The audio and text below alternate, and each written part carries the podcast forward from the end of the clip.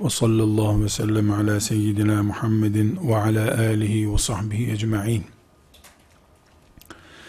Müslüman ve kitap beraberliğini, Müslüman ve okumak kelimelerinin ne kadar uyumlu olduklarını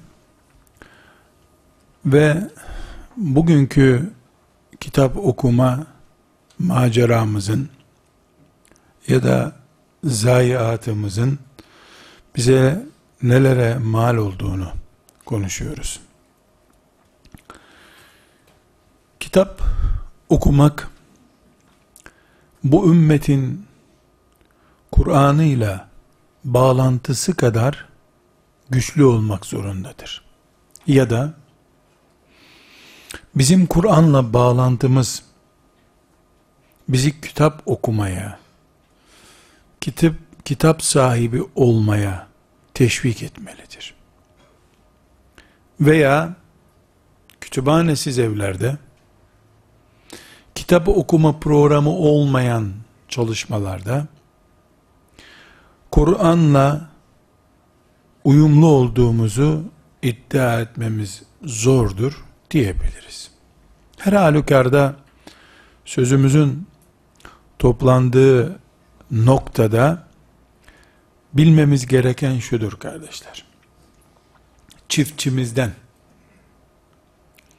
mühendisimize, camideki imamımızdan medresemizdeki mollaya kadar biz ümmeti Muhammed olduğumuzun farkını göstereceğimiz alanlardan birisi kitap okumamızdır. Elbette bir mollanın medresede kitap serüveni ile ziraatle meşgul bir Müslümanın kitap serüveni aynı değildir. Olması da beklenemez. Ama kitap okumakla sıfır bağlantılı bir ziraatçı de düşünemeyiz. En azından deriz ki bir e, Müslüman olarak bu zatın kitabı dinlediği bir kitaptır deriz en azından. Hani hiçbir şey diyemezsek çocuğuna okutuyordur, kendi dinliyordur deriz. Veya eski neslin yaptığı gibi işte mesela perşembe günü yatsıdan sonra camide oturuyordur. İmam efendinin okuduğu kitabı dinliyordur. Her halükarda kitapla herkesin bir bağı vardır, olmalıdır. Kur'an ümmeti olduğumuz sürece diyoruz. Burada küçük bir ayrıntı açmamızda fayda var kardeşler. Bu konuştuğumuz şeyleri biz bir fazilet konusu olarak konuşuyoruz. Dolayısıyla çiftçi kitap okumadıkça Müslüman olamaz denemez. İmanın şartları belli, İslam'ın şartları bellidir. İslam'ın şartlarından biri İhya-ı Ulumuddin okumak değildir. Bir fazilet meselesidir bu. Nedir fazilet meselesi? Allah'ın rızasını kazanmaya doğru daha iyi işleri yapma mücadelesi. Elbette kıyamet günü kaç cilt kütüphanen vardı?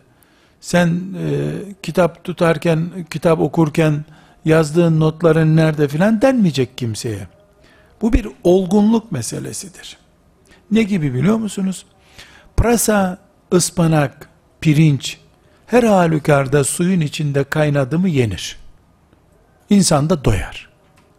Ama içine çiçek, çiçek yağı veya zeytinyağı kattın mı bir miktar, kolay yersin. Bağırsaklarından kendiliğinden iner. Bir Müslümanın kütüphanesi olsa da olmasa da imanın şartlarını yerine getirdi mi, biiznillahü teala cennetlik mümindir o. İmandan lezzet almaktan ve imanı günün her anında hissederek yaşamaktan söz edebilmek için, Müslümanın yabancıların tesirinden kurtulması için veya Müslümanın niye Müslüman olduğunun şuurunda olması için kitap okumaktan söz ediyoruz. Alimi için, avamı için. Kesinlikle Allahu Teala'nın farz etmediği bir şeyi, Allahu Teala'nın ümmeti Muhammed'in varlık nedenlerinden biri olarak şart koymadığı bir hususu biz veya başka birisi öbür türlü Müslümanlık neyine gerek deyip başından savsaklayarak edep dışı bir şekilde öne süremez. Bunun temel mantığı şudur. Hiçbir nafile ne kadar değerli, ne kadar sevaplı, ne kadar önemli olursa olsun farz değildir. Hiçbir nafileye farz muamelesi yapılamaz. Hiçbir farza da nafile muamelesi yapılamayacağı gibi. Milyon kere kılınmış teheccüd bir sabah namazı değildir kardeşler. Şeriatımızın genel prensibi bu. Bunu da bilmedikten sonra şeriattan hiçbir şey bilmiyoruz demektir. Milyon teheccüd asla. Kaç trilyon kere bir insan tesbih yapsa, iman etmek için şart olan La ilahe illallah Muhammedur Resulullah'ın dengini yapmış olabilir. La ilahe illallah Muhammedur Resulullah deyip iman ediyor değil mi bir insan? Bu bir cümle. Onun yerine kaç milyon kere Subhanallah dese kelime-i tevhide denk olur? Hayır. Bir insan hayatı varsa, ruh varsa bedeninde krem onun cildini güzelleştirir. Ruhu çıkan bir adamı kremle nasıl güzelleştireceksin? Gitgide pörsüyecek, solacak. Böyle olması gerekiyor. Kitap konusunun içinde olmayan bir mesele bu ama enteresan bir asırda yaşıyoruz kardeşler. Çok enteresan. Kimi nafileleri tutup mübalağa yapıp e, en büyük farzdan daha büyük farz haline getiriyor. Bu şeriata aykırı bir şey. Kimi de Allah'ın en büyük farzlarından birini tutuyor aşağı doğru çekiyor. Normal e, bu zamanın önemli bir konusu değil demeye getiriyor. İkisi de batıl, ikisi de yanlıştır. Allah peygamberi ve onların adına bize ders veren imamlarımız, Ebu Hanifemiz, İmam Şafii'miz rahimahumullahu cemiyen farz dedilerse bir şeye onu farz kalıbında tutacağız. Sünnet nafile dedilerse nafile kalıbında tutacağız. Okumanın farz olduğu bir yer yoktur kardeşler okumak hiçbir zaman farz değildir. İman etmek ve namaz kılacak kadar, oruç tutacak kadar vesaire zarurat-ı diniyeyi bilmek farzdır. Bu okuyarak da öğrenilebilir şeydir. Aynı şekilde dinleyerek de öğrenilebilir. Bir Müslüman Fatiha-i Şerife'yi dinleyerek de ezberlese Fatiha'dır o mushaftan okuyarak ezberlese de Fatiha'dır. Namazda şöyle bir fark var mı? Yani senin Fatihan e, okunmuş Fatiha yani kendin musaftan okudun. Dolayısıyla senin sevabın fazla. Namazda böyle bir şey yok ki. Yani okuma kelimesini biz burada mübalağalı anlatıyoruz gibi de e, sanki bunu farz noktasına çıkarıyoruz değil. Bunu fazilet olarak görüyoruz. Bu ümmetin faziletli yılları medeniyet kurduğu yılları okumanın öne çıktığı yıllardır. Onu tekit ediyoruz. Ama bütün Müslümanların evlerinde kütüphaneler bulunsun. Bütün Müslümanlar evlerinde Sahih-i Bukhari bulundursun. İhya Ulumuddin bulundursun. Riyazu Salihinimiz olsun. Zigon olmasın evimizde. Sehpa olmasın. Onu sonra alırız. Önce riyaz taksitlerini ödelim diyelim. Böyle diyelim. Bu bizim kimliğimizi göstersin. Biz Riyazu Salihin kafalı Müslümanız diye anlayalım bunu. Ondan sonra okumaya gelince hanım çok yoğun olduğu için okuyamaz. Erkek işten çok geç geldiği için uyukladığı için okuyamaz. Çocuğumuzun rahatsızlığı var okuyamaz. Sonra okur. Sonra okur. Bir gün lazım olacak. Yani temel ihtiyaç kabul etmek başka bir şey. Ama e, biz hoca değiliz ya deyip baştan savmak başka bir şey. Bu özellikle bunu tekit etmem gerekiyor kardeşlerim. Aksi takdirde her şeyin mübalağa ile alınabildiği bir zamanda yaşıyoruz. Ee, Allah'tan korkuyorum. nafileyi farz yerine çıkarmak bir zulüm, farzı nafile yerine indirmek bir zulüm. Böyle bir dengede bunu tutalım. Kitap okumakla ilgili bir önceki dersimizde sıkıntılarımızdan söz etmiş ve son sözümüzde de demiştik ki Müslümanlardan olmayanların kitaplarını okumanın sakıncaları var. Burada bir ayrıma gitmemiz gerekiyor. Mesela şu kitap e, Müslüman yazarın ve kafir yazarın olma ihtimali olan bir kitap. Bu matematik kitabı ise üstünde Mr. Johnson diye bir şey de yazsa aynı. Ahmet Bey diye yazsa aynı. Matematik kitabı bu. Akidemle ilgili değil, ahlak olarak beni yönlendirecek bir kitap değil, e, ümmeti Muhammed şuurumu bozacak bir kitap değil. Coğrafya kitabı ise de aynı şey geçerli. Coğrafyayı yorumlayan bir kitapsa aynı şey geçerli değil. Neden? Allah'ın yarattığı dünyayı tanıtan bir coğrafya kitabı başka şey. Tabiat yaptı etti. Amazon nehrini tabiat ne kadar hassas yapmış diyen bir kitap başka bir şey. Veya gerekçesini izah edeceğim bunun. Bir din konusu üzerine kitap. Mesela İslam'ın ilk yıllarındaki fetih hareketi diyor. İsim vermeden konu var ama bu konu bu dediğim gibidir isimlerini zikretmeyeceğim. İslam'ın ilk yıllarındaki fetih hareketleri diyor. Avrupalı biri yazmış. Biz ne inanıyoruz? Halid bin Velid radıyallahu anh aldı kılıcını La ilahe illallah denmedikçe yeryüzünde huzur yok dedi, çıktı dedik. Diyor ki, Araplar esmer ırktılar diyor bu. Beyaz kızlara hayran oldular, kılıcı kapıp Avrupa'ya doğru yöneldiler diyor. Ey gavur, edepsiz Halid bin Velid'e hakaret ediyor diyorsun ya sen. Dur. Arkadaşlar, güneş dünyadan da şu kadar büyük bir şey değil mi? Ben bir insanın önüne geçip şu şekilde gözünün önüne elimi koysam güneşi görmesi mümkün mü bir daha? Benim elim güneşin kaç trilyonda biri kadardır? O bile değil yani. Trilyon üstü trilyon kadar. Benim elimin hacmi nedir? Küçük bile denmez değil mi? Güneşin hacmiyle benim elim kıyaslanmaz ki. Ama bir insanın gözünde bir el durduğunda güneşi görmesi mümkün değildir. Ya bu edepsiz herif Halid bin Velid'e karı düşkünü diyor. Affedersiniz. Yani onun ifadelerini naklediyorum. Melun gavur. Bu bölümü geç. Diyorsun ya sen. O gavur melun derken bile ileride 10 sene sonra Halid bin Velid'i ezecek şey bulmuştur şeytan. Onu buzdolabına koyar günün birinde önüne getirir senin.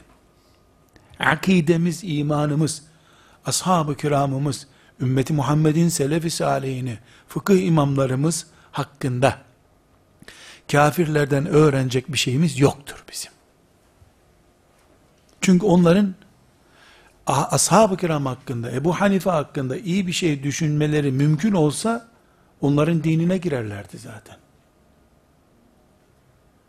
fantazi olarak ve kitabın içinde akıcılık oluşturup, yarın benim dinlememi, okumamı sağlamak için uyduruk bir cümle koyuyor. Ebu Hanife insanlığın yetiştirdiği nadir tiplerden biridir. Dini güzel değil, mezhebi güzel değil, ilmi güzel değil. Yoksa Ebu Hanife harika diyor. Sen övdü zannediyorsun. Yeriyor aslında. Sövüyor. Onun için bir matematik kitabını gavurdan okuyabilirim dinimle ilgili bir kitabı gavurdan okuyamam. Çok övüyormuş. Lazım değil. Ali radıyallahu anh ne demişti? Allah beni arşına kadar çıkarsa gitsem gelsem bu dünya gözüyle benim imanım artmaz diyor. Niye artmaz? Ali'nin imanında bir eksiklik yok ki nesini artıracak? Niye artırsın ki imanını? Arşı görmeden görür gibi inanan biri zaten. Biz Ebu Hanife'mizi, Halid bin Velid'imizi, Resulullah sallallahu aleyhi ve sellemin siretini, ona iman etmeyenlerden mi okuyacağız? Överse övsün. Kendi Hristiyanlarına övsün. Bize ne övüyor? Ama diğer ilmi kitapları, bilgisayar programını hiçbir sakıncası yok. Benden iyi yazdıysa elbette ondan alacağım. Akideme ithal bilgi sokamam. Veya Müslümanların e, dünya siyasetiyle ilgili ana hastalıklardan biri bu. Orta Doğu bataklığı diye bir kitap yazıyor diyelim ya da Orta Doğu çıkması diye bir kitap yazıyor. Bu isme muadil bir kitap varsa sanki onu konuşuyorum gibi olmasın. Böyle bir kitap yazıyor. Kim bu? Nerede yazıyor? Almanya'da, Hollanda'da, Belçika'da, Amsterdam'da bir yerde yazıyor. Bir soru soracağım. Bir soru soracağım. Avrupa'da bugün şu hürriyet ve efendim hak, konuşma, yani neredeyse uzaydan daha geniş hürriyetler. Yahudi aleyhine bir satır yazı yazılabiliyor mu Avrupa'da? Antiseminizm, seminizm, semizme, simitleme bilmem neyse adı. Yahudi aleyhine konuşulamaz diye kanun Avrupa kanunu değil mi? E Orta Doğu, Orta Doğu sorunu Yahudi sorunu değil mi? Yahudinin oluşturduğu sorun değil mi?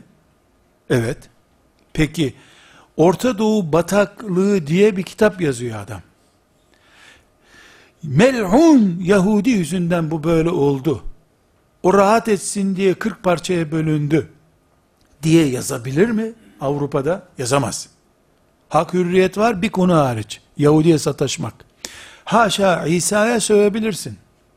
Hürriyetler arasında kalıyor bu. Kendi din dediği İsa'ya sövebiliyorsun. Kanunen yasak değil. Ama kazara Yahudinin aleyhine bir cümle yazdın mı hapsi boyluyorsun. Böyle bir ülkede, böyle bir ortamda yazılmış bir kitabı ben okursam, asas sorun olan Yahudi sorununa dokunmayan bir kitap okuyacağım. O bana sadece, işte filan terör örgütü kaç kişi öldürdü onu anlatacak.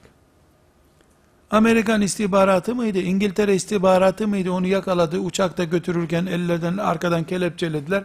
Sadece bir filmi daha heyecanlı hale getirecek bölümler önüme koyacak. Asıl çekirdeğe hiçbir zaman dokunmayacak. Dokunamaz. Çünkü benim önüme koyduğu Orta Doğu sorunu diye kitaptaki ana problem mikrop, onun el değmesi yasak olan mikroptur. Yahudinin bugüne kadar kaç yüz bin Filistinliyi hunharca öldürdüğünü hiçbir zaman rakam olarak vermeyecek. Ama hep ne verecek? Filan istişhat eyleminde kaç e, Yahudi yaralandı hep onu anlatacak. Hep Yahudi haklı çıkacak. Görünürde e, dengeli anlatıyor, adil anlatıyor görünce. Benim beynim mermer değil ki tutunca çizilmesin. Arkadaşlar her insanın beyni et bile değil. Bir türlü su gibi yağ tabakası beyin. Çizilmemesi mümkün değildir. Akide konusunda bir, iki, genel İslam siyaseti konusunda kafirlerin ve kafirlere yakınların onlarla beraberlikte mahsur görmeyenlerin kitapları kütüphanemize giremez.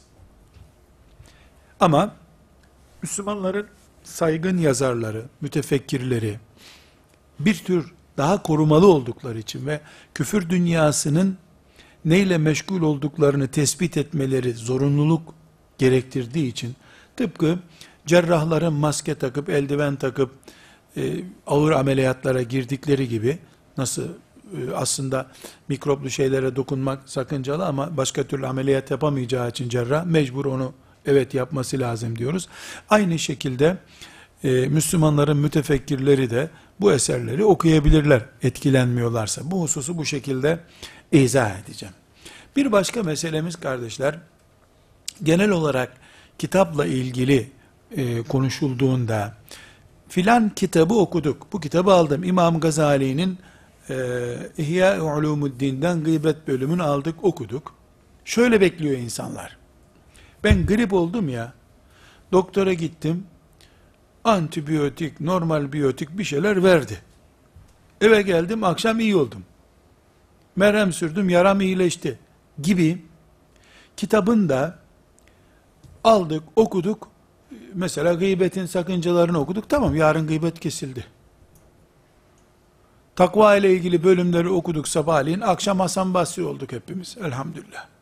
Böyle bir kitap dünyada yoktur arkadaşlar. Bu kitap Kur'an'dır aslında.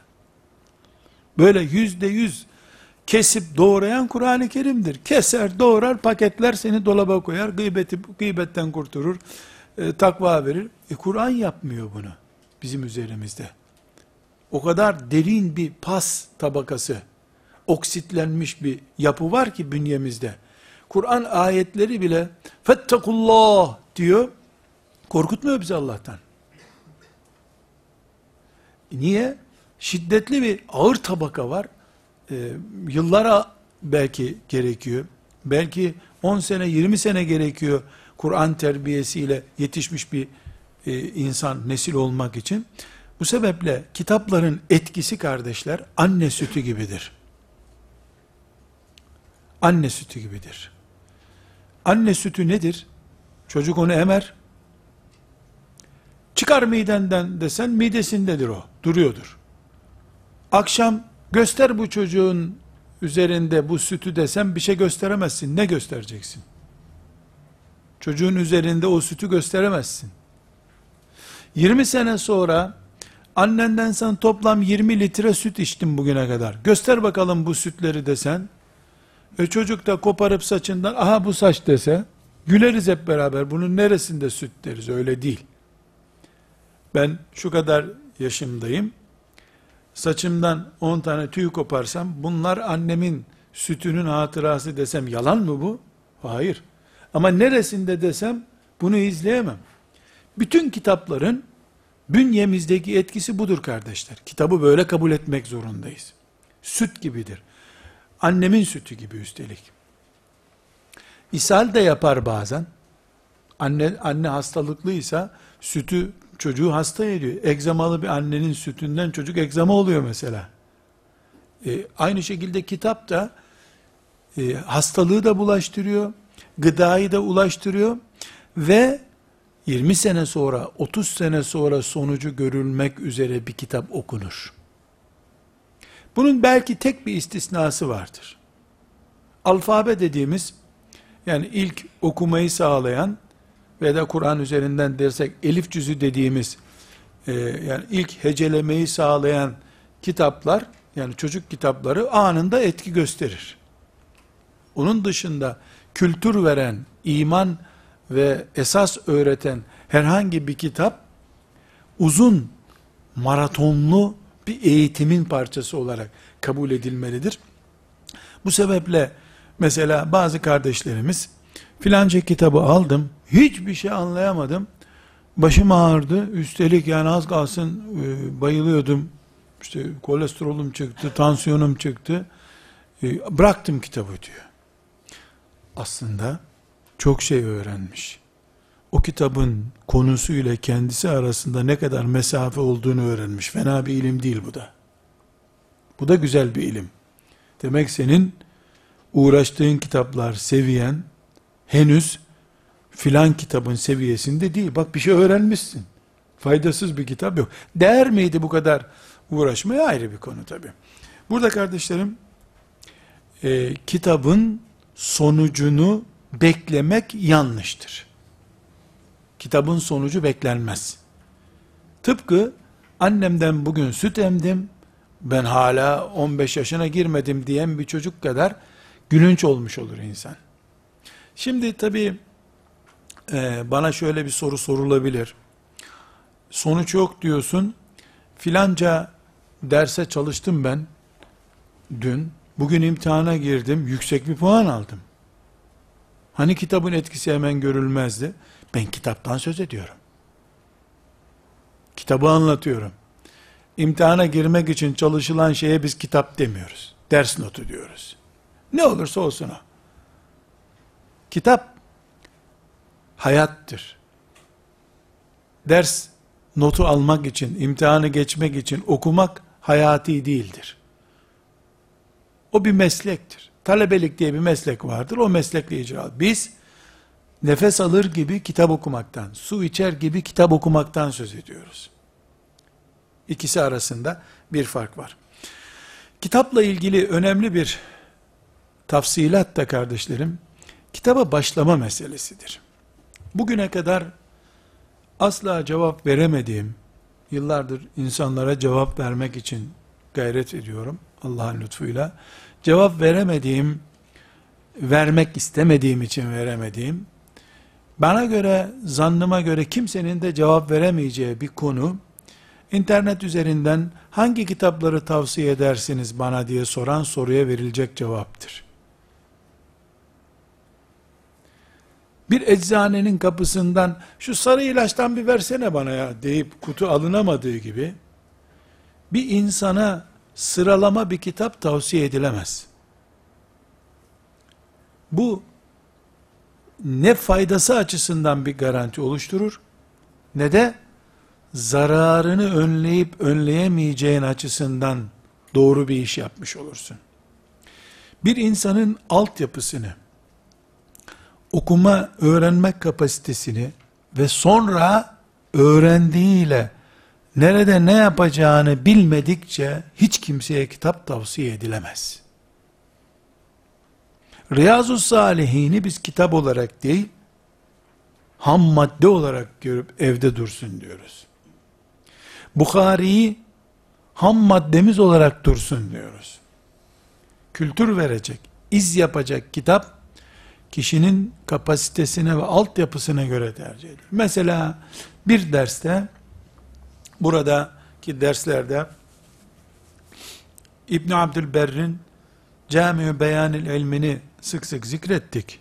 Onunla, ondan alıntılar yaptığımız zaman da tekrar da gelecek inşallah.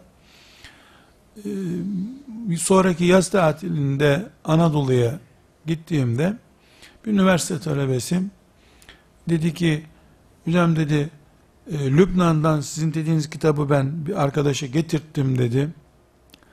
Ya hocam dedi Arapça bilenlerle beraber okuyoruz dedi. Bitmiyor ya. Bir sayfa bir sayfa bir gün alıyor dedi. E sen onu nasıl okuyorsun orada dedi. Sen nerede okuyorsun dedim. İmam Hatip Lisesi son sınıftayım dedi. Arapça biliyor musun dedim. İmam Hatip'te Arapça okuyoruz dedi. Allah nazardan korusun. Sibeve'yi görse hayran olacak zaten. Arapça okuyoruz dedi. Ben bir dar bir mesele anlatayım size arkadaşlar. Senelerce Mekke'de kaldım. Bir Arap dil enstitüsünden mezun olup e, bir Arapça şeriat fakültesinde usulü fıkıh gibi ağır bir bölüme girdim. E, kütüphanede ömrümün önemli bir bölümü geçti. Alimlerle oturdum kalktım. Bana işte oraya gelenler ya senin şimdi Arapçan nasıl filan sorarlardı umreye gelenler. Hiçbir zaman mükemmel Arapçam var diyemedim ben. Eh, yani gayret ediyoruz filan dedim hala da öyle diyorum zaten. Bir işçi orada inşaatta çalışıyor.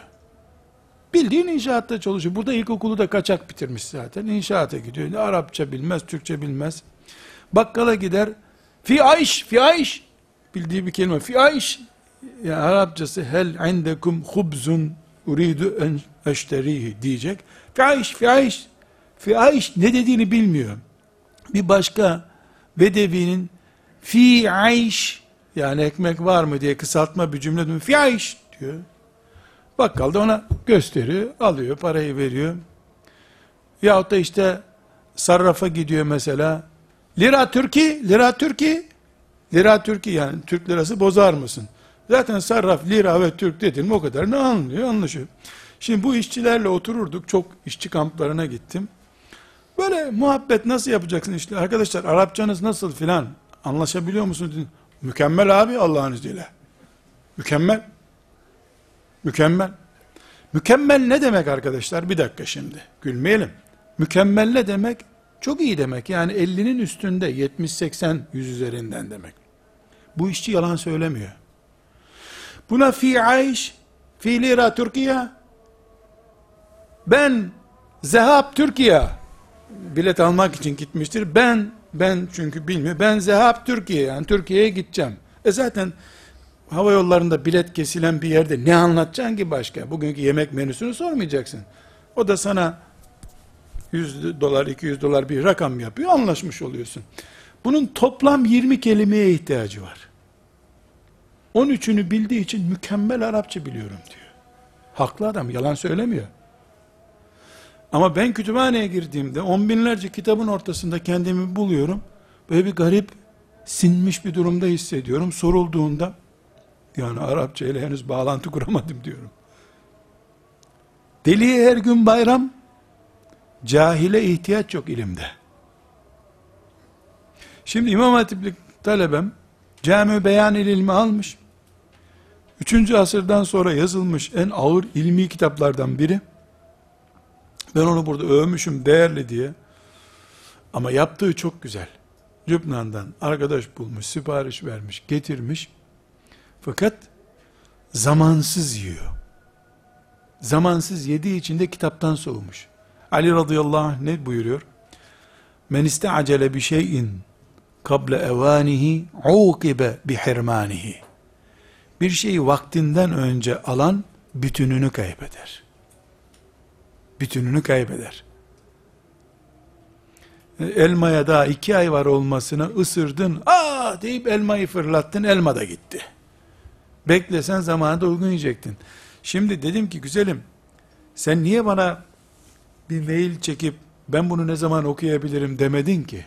Ne yapacaktın ki dedi. Ben sana mail yazsaydım. Bu maili bana Arapça yaz diye geri dönecektim sana dedim. Maili bana Arapça yazabilseydin sen bu kitabı okurdun. E, benim klavyemde Arapça yok dedi. Lan kitabı niye aldın o zaman? Baktı tıkanıyor, çekti gitti. Şimdi kitabımız değerli. Bir itirazımız yok. Ben ilim yolcusu muyum? Tamam. Camiu beyanil ilmi de Camiül ulum vel hikemi de bulduğun her kitabı al. Şu anda Arapçam yok. E yoldayız inşallah. Yoldayız da ilim yolundayız. Ama bakkalsan, manavsan, emlakçıysan e alma bu kitapları. Ne yapacaksın bunları? İmam Hatip talebesi misin? İlahiyatta mı okuyorsun? Medresede mi okuyorsun? Tek sorun var. Diploma alınca veda mı edeceksin kitaplara? Yoksa ilim yolculuğun devam edecek mi? İlim yolculuğun devam edecek. Topla. Topla sen. Senin çeyizin olsun, harçlığın olsun onlar. Bu şekilde kitaba başlamayı bir metot üzerinden yapmak gerekir diye bunları söylüyorum kardeşlerim. Bazı hoca efendiler yanlış yapıyorlar. Yani bir ders halkasında güzel ağır bir fıkıh kitabı okutuyor.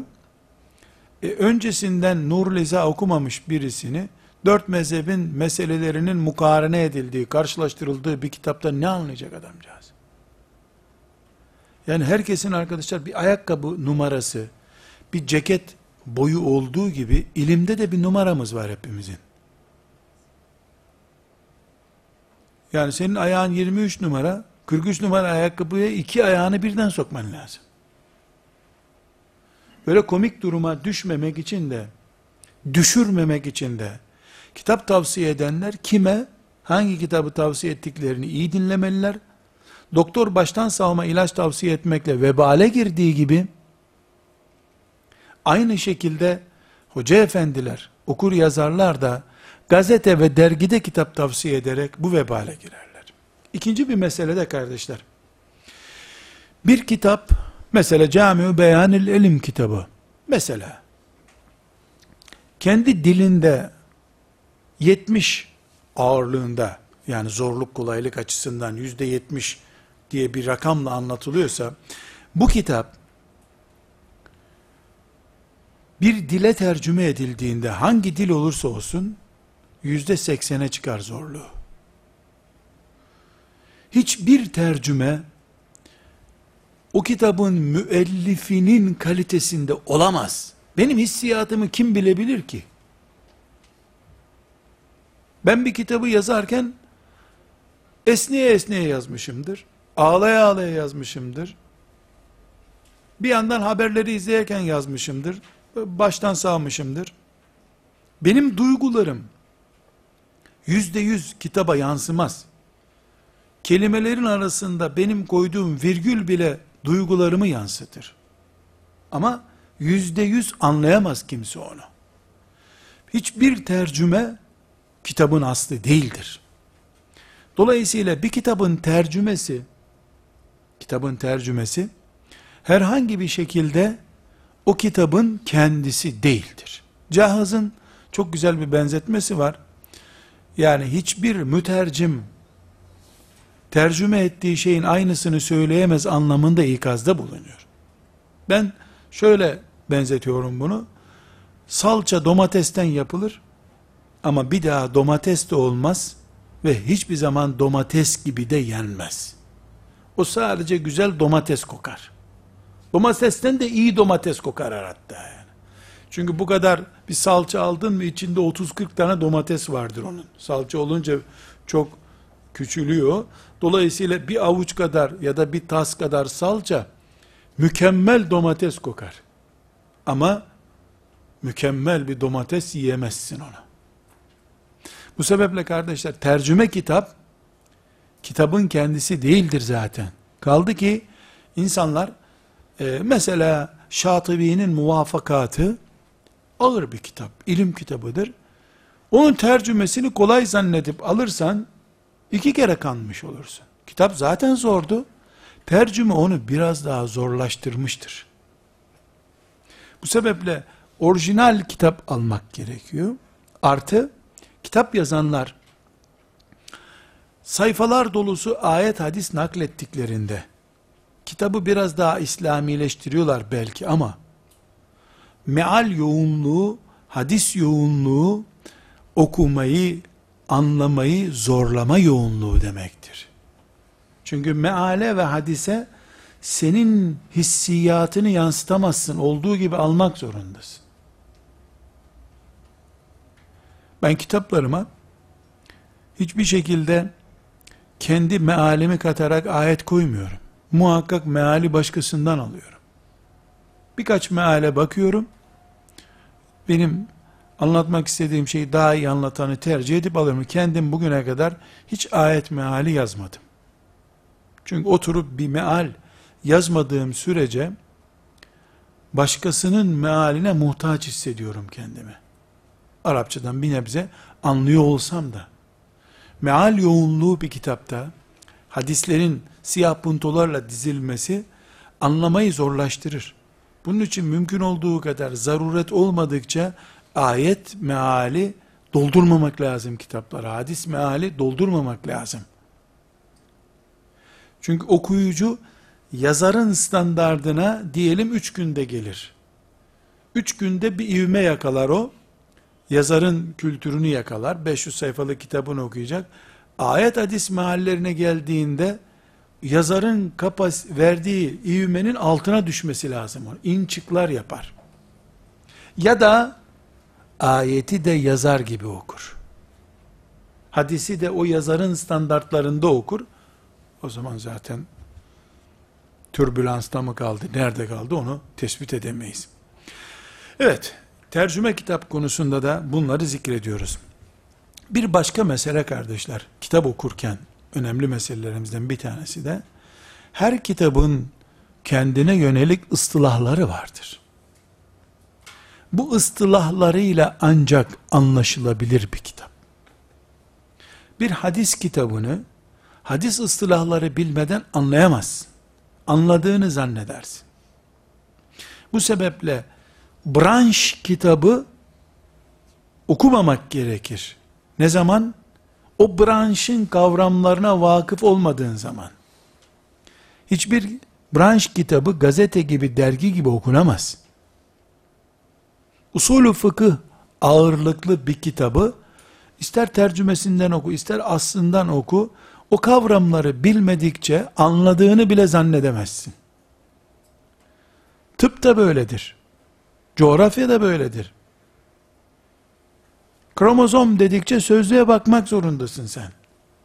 Yani tıp kitabına para vermekle olmuyor bu iş. Çünkü bütün branşlarda önce branşın kavramları öğretilerek ilim öğretilmeye başlanılır. Tıpta da böyledir. Seneler sürer talebenin bu kavramları öğrenmesi. O yüzden dikkat edin, doktora gidersiniz, rastladıysanız merhametli bir doktora size izah edeyim der. Böyle bakmak zorundasınız ne diyor bu adam diye. Zavallı da tam açıklama yapıyor. Anladınız değil mi diyor. He, adam bir daha konuşacak hali yok. Bir şeyler söylüyor, şu yükseldi bu indi diyor. Mübarek sanki çekmeceyi açtın da dolabı kapattın der gibi. Ona göre çok normal şeyler bunlar. Ben anlamıyorum ki ne dediğini. Ben genelde not defterimi alıyorum o konuşmaya başlayacağı zaman. Not tutuyorum. Ondan sonra doktor bey bir izah edeyim mi size diyorum. Başka türlü olmuyor. Yani onun ya da sesini kaydedeceksin. Sonra gidip sözlüğe bakacaksın. Ne diyor bu diye. O çok o mesleğe haşir neşir olduğu için bunu yapar. Hoca efendiler de e, bunu yaparlar. İstihsanen caiz değildir bu der. Allah Allah. İstihsanen, istihsan diye bir alim var. Onun görüşüne göre caiz değildir diyor herhalde. Halbuki istihsan onun mesleğinde bir e, kavramdır. Yani fakihin ortada durmasındansa bu mesele böyle olmasını hoş görüyorum demesi anlamında bir kavramdır. Hasan Basri'nin mürsellerindendir bu. Ha, Hasan Basri'nin Mürsel isimli yedi cilt kitabı var oradan alınmış zannediyorsun. Bir kavram e, kargaşası içerisinde kaybolup gidebilir okuyucu. Onun için hangi kitabı okuyorsan o kitabın muhakkak kavramlarına vakıf olman lazım. Bunun altını mı çizersin, kenarını mı çizersin, sonra mı öğrenirsin bilmiyorum. Şu da yanlış kardeşler. Ben e, kavramları tespit edeyim. Sonra tekrar işte sorarım filanca arkadaşa anlamış olurum. 100 sayfalık bir kitabın 75. sayfasındaki bir kavramı okudun. 100. sayfada da soracağın kimseyi buldun, öğrendin. Aslında sen 70. sayfa ile 100. sayfa arasındaki pek çok eksiği bir daha telafi edemeyeceksin. Yanlış anlayarak gittin. Badanaj yaptığın yerleri tamir edemezsin. Badanajdan kurtulunca düz yol devam edeceksin. Bir dahaki çamura saplanıncaya kadar. Bu sebeple kitap branş kitabı olmamalı. Branş kitabı ise önce onun dilini öğrenmen lazım. Kavramlarını öğrenmen lazım. Kardeşler, bir başka kitapla ilgili sorun da zihni yorgun bir nesiliz biz. Zihni yorgun bir nesil. Halbuki çok rahatız. Keyfimiz yerinde. Her şey bilgisayar vesaire çok güzel. Gırla gidiyor. Ama zihin yorgunluğu yaşıyoruz. Kitap okumaya ciddi engel bu. Okumaya engel olmadığı zaman anlamaya engel. Anlamaya engel olmadığı zaman anladığını pratik yapmaya engel. Bu sebeple kitap okutacağımız, kitap e, vermek, kültürünü vermek isteyeceğimiz insanların zihin yorgunluğu seviyesini de iyi araştırmamız lazım. Bu sebeple hem beraber de tercübe ettik arkadaşlar. Belli kitap kampları yaptığımız zaman çok daha güzel kitaplar okunduğunu ve çok daha güzel sonuçlar alındığını hep beraber gördük. Bilhassa mesela dağ kamplarımızda e, siz de görüyorsunuz. Burada bir haftada okunsun gelsin bu kitap diyoruz. E, işte kalın siyah yerlerin altını çizip geliyor. Okudum diyebilmek için. E, ondan sonra kampa gidiyorsun. İki gün içinde şu kitap okunsun diyorsun. E, çok güzel, daha iyi okumuş oluyor herkes. Zihin yorgunluğu çok önemli. Bu zihin yorgunluğuna e, bir de e, Müslümanlar olarak biz e, yaşadığımız mala yani bombardımanını, bizle ilgili olan veya olmayan boş işlerle meşguliyeti, mesela bir kitap alıyorsun, o kitabın muhtevasından çok bu kitaba kim ne demiş, ne yorum yapmış, kaç tane satmış, kaçıncı baskısı olmuş, kitabın kapağı vesaire gibi şeyleri meşguliyeti hesapladığında bakıyorsun, kitabın zineti kendinden daha çok meşgul etmiş seni. Filanca bu kitap için şöyle demiş, yazarı için böyle demiş. Halbuki kitabın muhtevası önemli olmalı bizim için. Bu sebeple kitabı ne kadar malayaniden ve zihin yorgunluğundan, günlük meşguliyetten kurtarırsak, kitap o kadar mübarek olur. O kadar bereket verir. O manada mübarek olur diyorum. Burada kardeşler, bir başka husus da çocuklarımızın kitaba alıştırılmaları meselesidir. Benim odamda hem çocuk kitapları, hem çocuk oyuncakları, hem çocuk çikolataları çok yoğun olur. Sizlerin de bir kısmı ziyarete geldiğinizde görmüşsünüzdür. Dolaplarımdan biri çocuklara aittir. Bir hocayı ziyaret ettiğini, 5 yaşında ona bir şeyler verdiğini hatırlasın isterim. Fatiha'ya muhtaç olmamdan kaynaklanıyor bu. Daha çok kendimi düşünüyorum. Ama mesela çocuk ilmihali, çocuk kitapları da veriyorum. Şeker de veriyorum. Oyuncak da veriyorum. Bir tane çocuk hatırlıyorum. Ee, herhalde Afyon'dan annesi babasıyla ziyaretime gelmişlerdi. Üçünü aynı anda verdim. 6 yaşında bir çocuktu. Hem oyuncak verdim. Çok güzel çektin mi yürüyen bir araba verdim. Güzel bir çikolata verdim. Sonra da bir ilmihal uzattım. Dedim ki bunu annen sana okuyacak tamam mı dedim. Ne o dedi. Böyle, böyle yeni bir şey bulmuş gibi. Bu çocuk ilmihali dedim. Benim yaşıma uygun mu? Dedi. Kaç yaşındasın dedim. Altı dedi. Senin yaşına uygun dedim. Aldı onu elindeki çikolata ve arabayı attı. Bir tane çocuk böyle gördüm. Aldı. Bir yarım saat daha annesi babası yanımda oturdu. O çocuğun odamda olduğunu unuttuk. Kalkarken gözümü yaşartan bir şey söyledi. Amca dedi 17 sayfasını okudum bu kitabın. Benden biraz büyük kitap ama ben bunu ikinci okuyuşta tam anlarım dedi. Aman elhamdülillah dedim. Bu dünyada İbnül Cevzi'nin nesli kalkmamış. Yani nazarlık bir çocuktu. Hatta babasına dedim aman bu çocuğu sağa sola götürmeyin. Kütüphaneye götürmeyin. Okula göndermeyin nazar olur çocuk dedim. Zaten okula giderse alfabeyi de unutur yani okullarda. yani ne yazık ki. Ya dikkat edin çok çocukla karşılaşıyorum arkadaşlar. Belki odama haftada 30-40 çocuk geldiği oluyor. Hepsiyle ilgileniyorum. Yani yarın bana Fatiha okurlar diye üzülerek söylüyorum. Yani böyle çocuk görmedim. Bir farklılıktı. Ee, tekrar geliriz ziyarete falan dediler. Bir daha da gelmedi. Gelseler o çocukla şöyle bir resim çektirmek isterdim yani. Biz orada bir yarım saat kadar meşgul olduk. 17 sayfa okumuş. Kendini ağır bulmuş. ikinci okuyuşta anlayacağını tahmin etmiş kitabı. Yani bu çocuğu bir kütüphaneye at.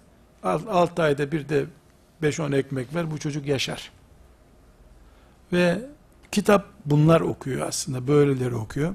Korkarım tabii o çocuğu kalkarlar e, yani verirler bir işte batıda iyi okur diye bir dinsiz imansız bir yere çocuk da gider. Ondan sonra biz bekleriz çocuğumuz bir şey öğrenecek diye. Çocuklarımızın kitap okumaları konusunda ne yapılabileceği konusunda kitabı sevmek açısından maalesef bir şey söyleyemiyorum. Çok şeyler denedim, başaramadım. Yani bilgisayarın düzeyine bir kitabı bir çocuğun gözünde çıkaramıyorum. Para da vaat etsen, oyuncak da vaat etsen e, yapmıyor çocuk, yapamıyor. Çünkü neden? Ailenin kutsalları arasında değil kitap okumak. Çocuk bundan önceden bir aşı almıyor. Sonradan da yama tutmuyor. Böyle nadiren bir çocuk, iki çocuk çıkıyor. Ama aile etkili olsa, ailede herkes kitap okusa, kiminin kitabı burada, kiminin kitabı burada, böyle bir bit pazarı gibi olsa ev, yani herkes bir yere kitabını koymuş filan, o evde bak e, eğitim olur. Ben pedagog kardeşlerimizin, Müslüman pedagogların, bilhassa hanım kızlarımızdan pedagoji okuyanların, psikoloji okuyanların ve benzer branşlardakilerin kesinlikle 5-10 kişilik komisyonlar kurup, Müslümanların çocuklarına bebeklikten itibaren kitap okuma sevgisi nasıl verecekleri konusunda çok ciddi çalışmalar yapılması gerekir diyor. Hatta bunun için takatim olsa bir vakıf kurarım. Müslümanların çocuklarına kitap okutma vakfı. Kurarım hiç şakası yok. Böyle bir vakıf yani birkaç zengin kardeşime de tavsiye ettim. Böyle bir vakıf kurun. Yani pek ilgiyle izlenmedi teklifim. İnsanlığı geliştirme, Afrika'yı kurtarma vakfı gibi büyük vakıflar istiyor insanlar. Böyle hem 10 bin lira verecek hem bütün Afrika kurtulacak. Ve biraz tabi hayırlı sabahlar diyesi geliyor insanın. Burada kardeşlerim kitap okumakla ilgili e, yeri gelmişken e, kitap konusunda ve okuma konusunda e, insanları üçe bölmekte fayda var. Birincisi normal roman okur gibi kitap okuyanlar vardır. İkincisi de ilim öğrenmek için mesela işte imtihana girecek veyahut da İmam Gazali'nin şu bölümünü okuyalım, evde Riyazu Salih'ini okuyalım. Bu ikinci düzeydir. Üçüncü düzeyde biraz önce bahsettiğim çocuğun okuduğu gibi İbnül Cevzi gibi, Suyuti gibi kitapla hayat bulan adamlar. Zehebi gibi. Şöyle insan diyor oturup bir sene içinde bir 500 cilt kitap okumalı rahat rahat diyor. Sanki şey çikolata yiyor mübarek kitap okuyor. Bu üçüncü düzeyi nadirattan olduğu için kural dışı görüyoruz. Ama birinci düzeyde roman okumayı da okumak kabul etmiyorum. Kendimizi şöyle ikinci düzeyde yani kitabı okuyup not tutup bir kenara koyan birisi düzeyinde görsek ben şükretmemiz lazım diyorum. Burada arkadaşlar kitap okumaya e, bir ipucu olsun diye birkaç nokta işaret edeyim.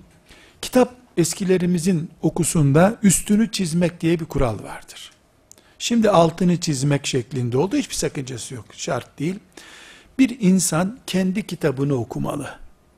Başkasının emanet kitabı okunmaz. Kendi çamaşırını giydiğin gibi başkasının e, kitabını değil, kendi kitabını okumalısın. Kitapta bir yazar yüz şey anlatıyordur. Bunun yüzü de seni ilgilendirmez. Ya çok ağır gelir, teğet geçersin onu, ya da hafif gelir, yok sayarsın. Arada 20 tane cümlesi, 20 başlığı senin için orijinaldir. Bunların altını çizmelisin. Kenarına da, kitabın kenarına not tutmak lazım. Bu önemli bir konu diye.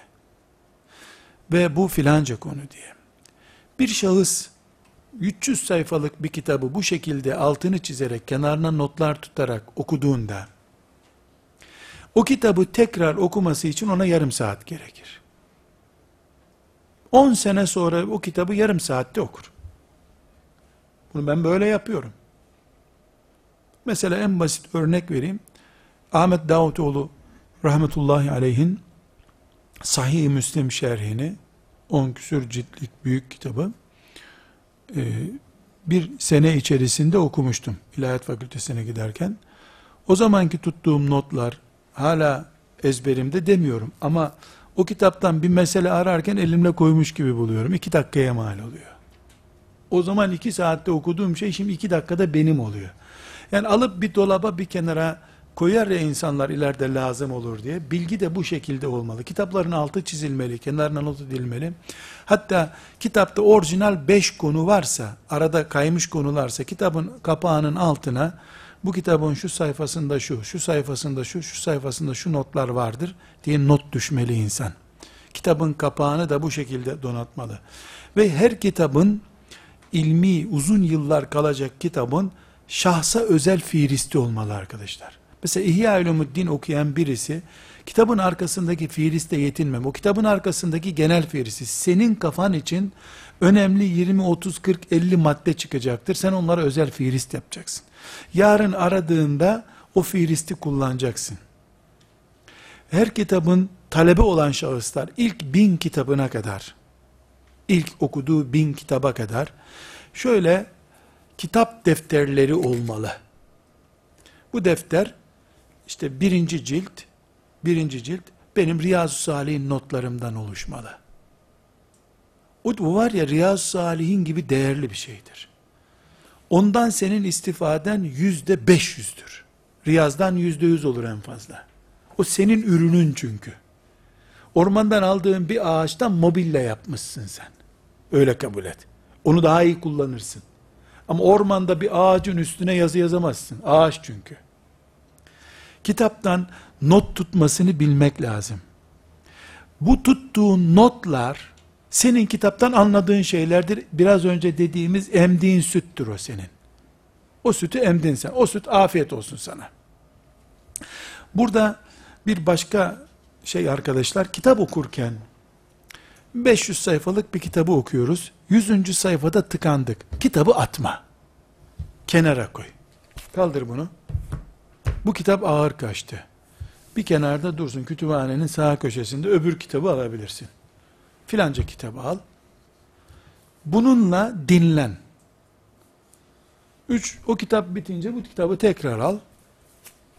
20 sayfa gene tıkanıyor. Yol açılmamış hala. Gene koy buraya. Öbür kitabı al. Feyza feragte bu. İşini bitirince yola devam diyor allah Teala. Halbuki işi bitirince oturup mola vermek bizim aklımıza geliyor. Feyza feragte fansab. Kitap okuyarak dinlenmek gerekiyor kitaptan yorulunca.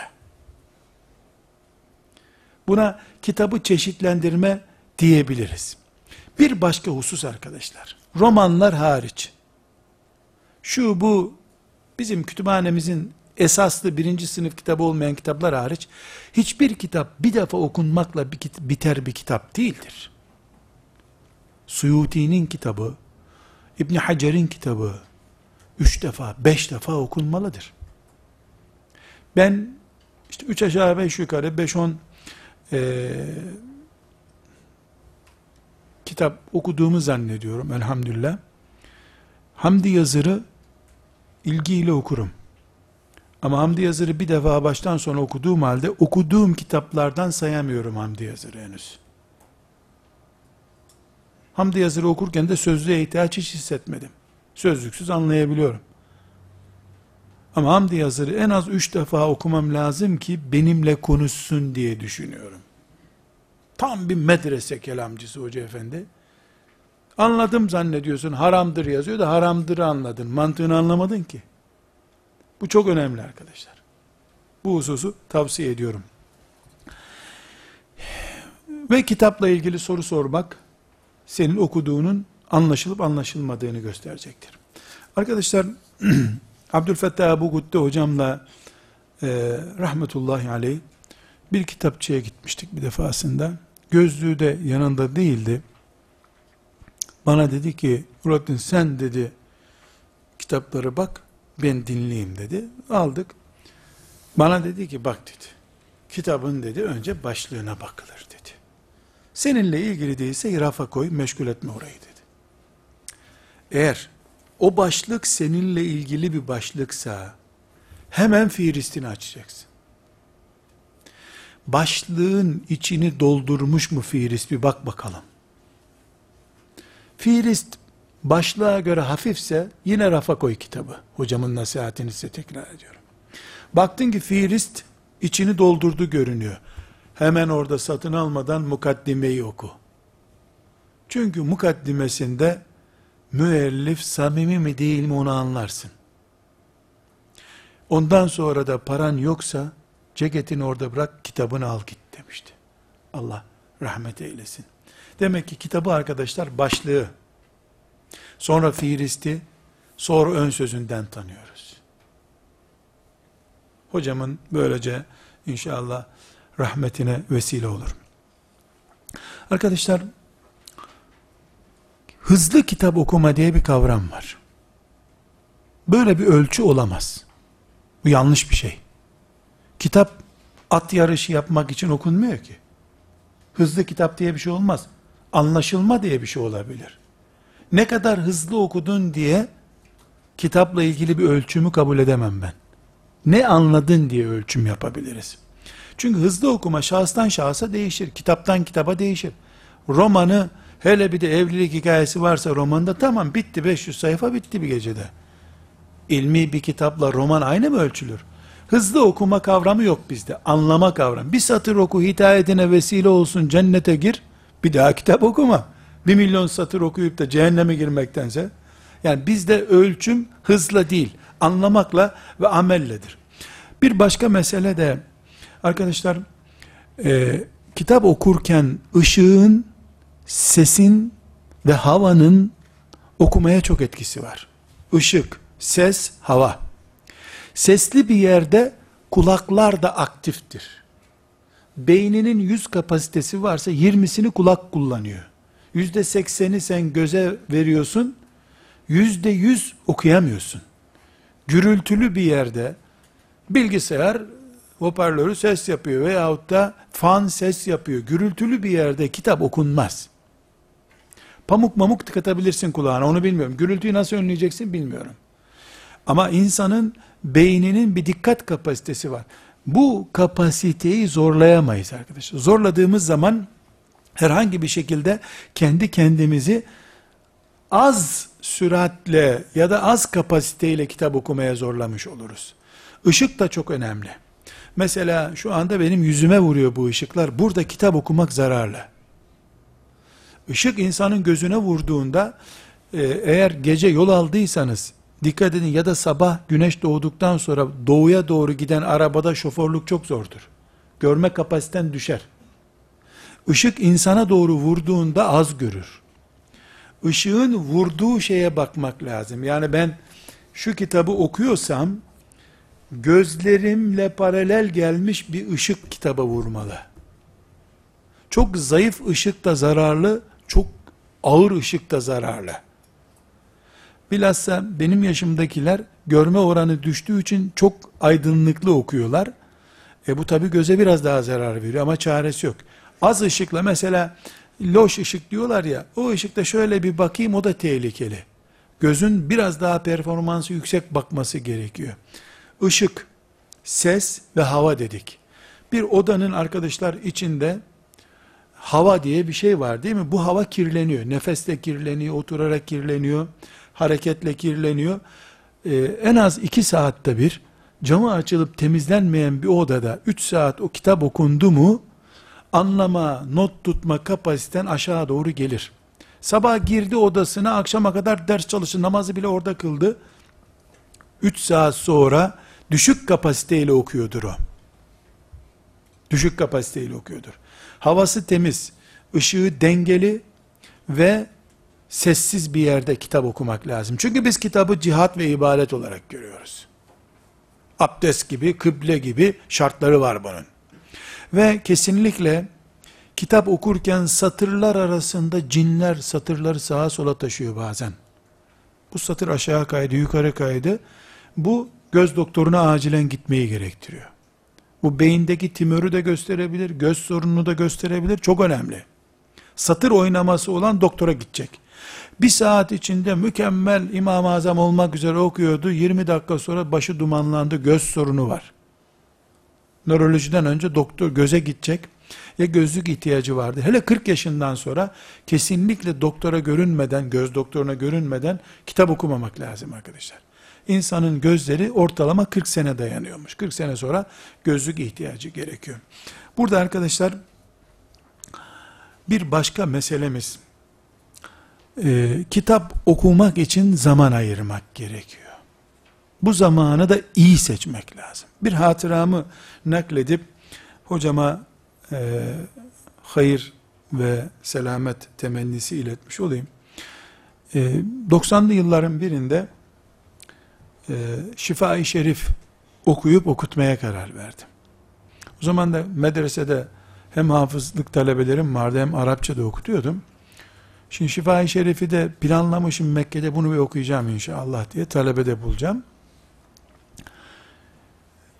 Dedim bir takvime baktım.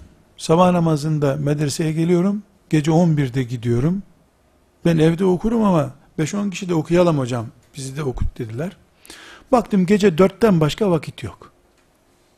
Tamam dedim ilan ettim. Gece 4'te şifa-i şerif var. 4 ay okuduk. 4'te gece 4'te. İnsanlar kalkıp geliyorlar. 15 kişi oluyordu derste. Emin hocama da Buhari dersine gidiyorum sabah namazından sonra. Ne var ne yok Nurattin dedi. İyiyim hocam dedim. Şifa-i Şerif'e başladım dedim. Oo bir öpeyim seni maşallah çok güzel tebrik ederim dedi. Sen ne zaman okuyorsun dedim medresede. Gece dörtte dedim. Durdu durdu. Nasıl gece dörtte dedi. Geliyor mu insanlar dedi. Geliyorlar hocam dedim. Bak oğlum dedi. Gelirler ama dedi. Şifa bitene kadar şifayı bulur onlar dedi. İnsanların uykusuyla ve hassas şeyleriyle oynayarak ilim öğretme kimseye dedi. Arkadaşlar dört ay devam etti o ders. Çünkü üçüncü dersim dört kişiye düştü. İkinci derste bir kişi inat etti geldi. Onunla biz dört ay devam ettik. Sonra o da gelmedi bitti ders. Hocam yüz kere haklı çıkmış oldu böylece. İnsanların çok hassas oldukları zamanlarla inatlaşmamak lazım. Kişinin de kendi hassasiyeti açısından çok önemli bu. İnatlaşıp da elde edeceğin bir şey yok. Hassas olmak ve dengeleri bozmadan bir iş yapmak lazım. Uyku en hassas konulardan biridir. Ne yapıyorsun? Gece 2'de kitap okuyorsun. Kesinlikle okursun. Altını da çizersin. Yüzde üçünü anlarsın. Gündüz okusan yüzde on üçtü o rakam. Okuyup devirmek mi senin için önemli? Okuyup anlayıp amel etmek mi önemli? Burada tabi arkadaşlar gece imtihana derse çalışmayı söz etmiyorum. Şöyle ruhumu doyurmak için kitap okumaktan söz ediyorum. Ümmeti Muhammed'in kitap okuma kültüründen söz ediyoruz. Elbette e, yüzde yüz rahat olan bir keyifli bir zemin bulunmaz ama dengeyi kurmak lazım. allah Teala e, bir bünye vermiş. Bu bünye yoruluyor, eziliyor. En çok ne zaman istifade edebilirim, nerede istifade edebilirim? Arayışımız bu olacak. وصلى الله وسلم على سيدنا محمد وعلى آله وصحبه أجمعين والحمد لله رب العالمين. قل إن كنتم تحبون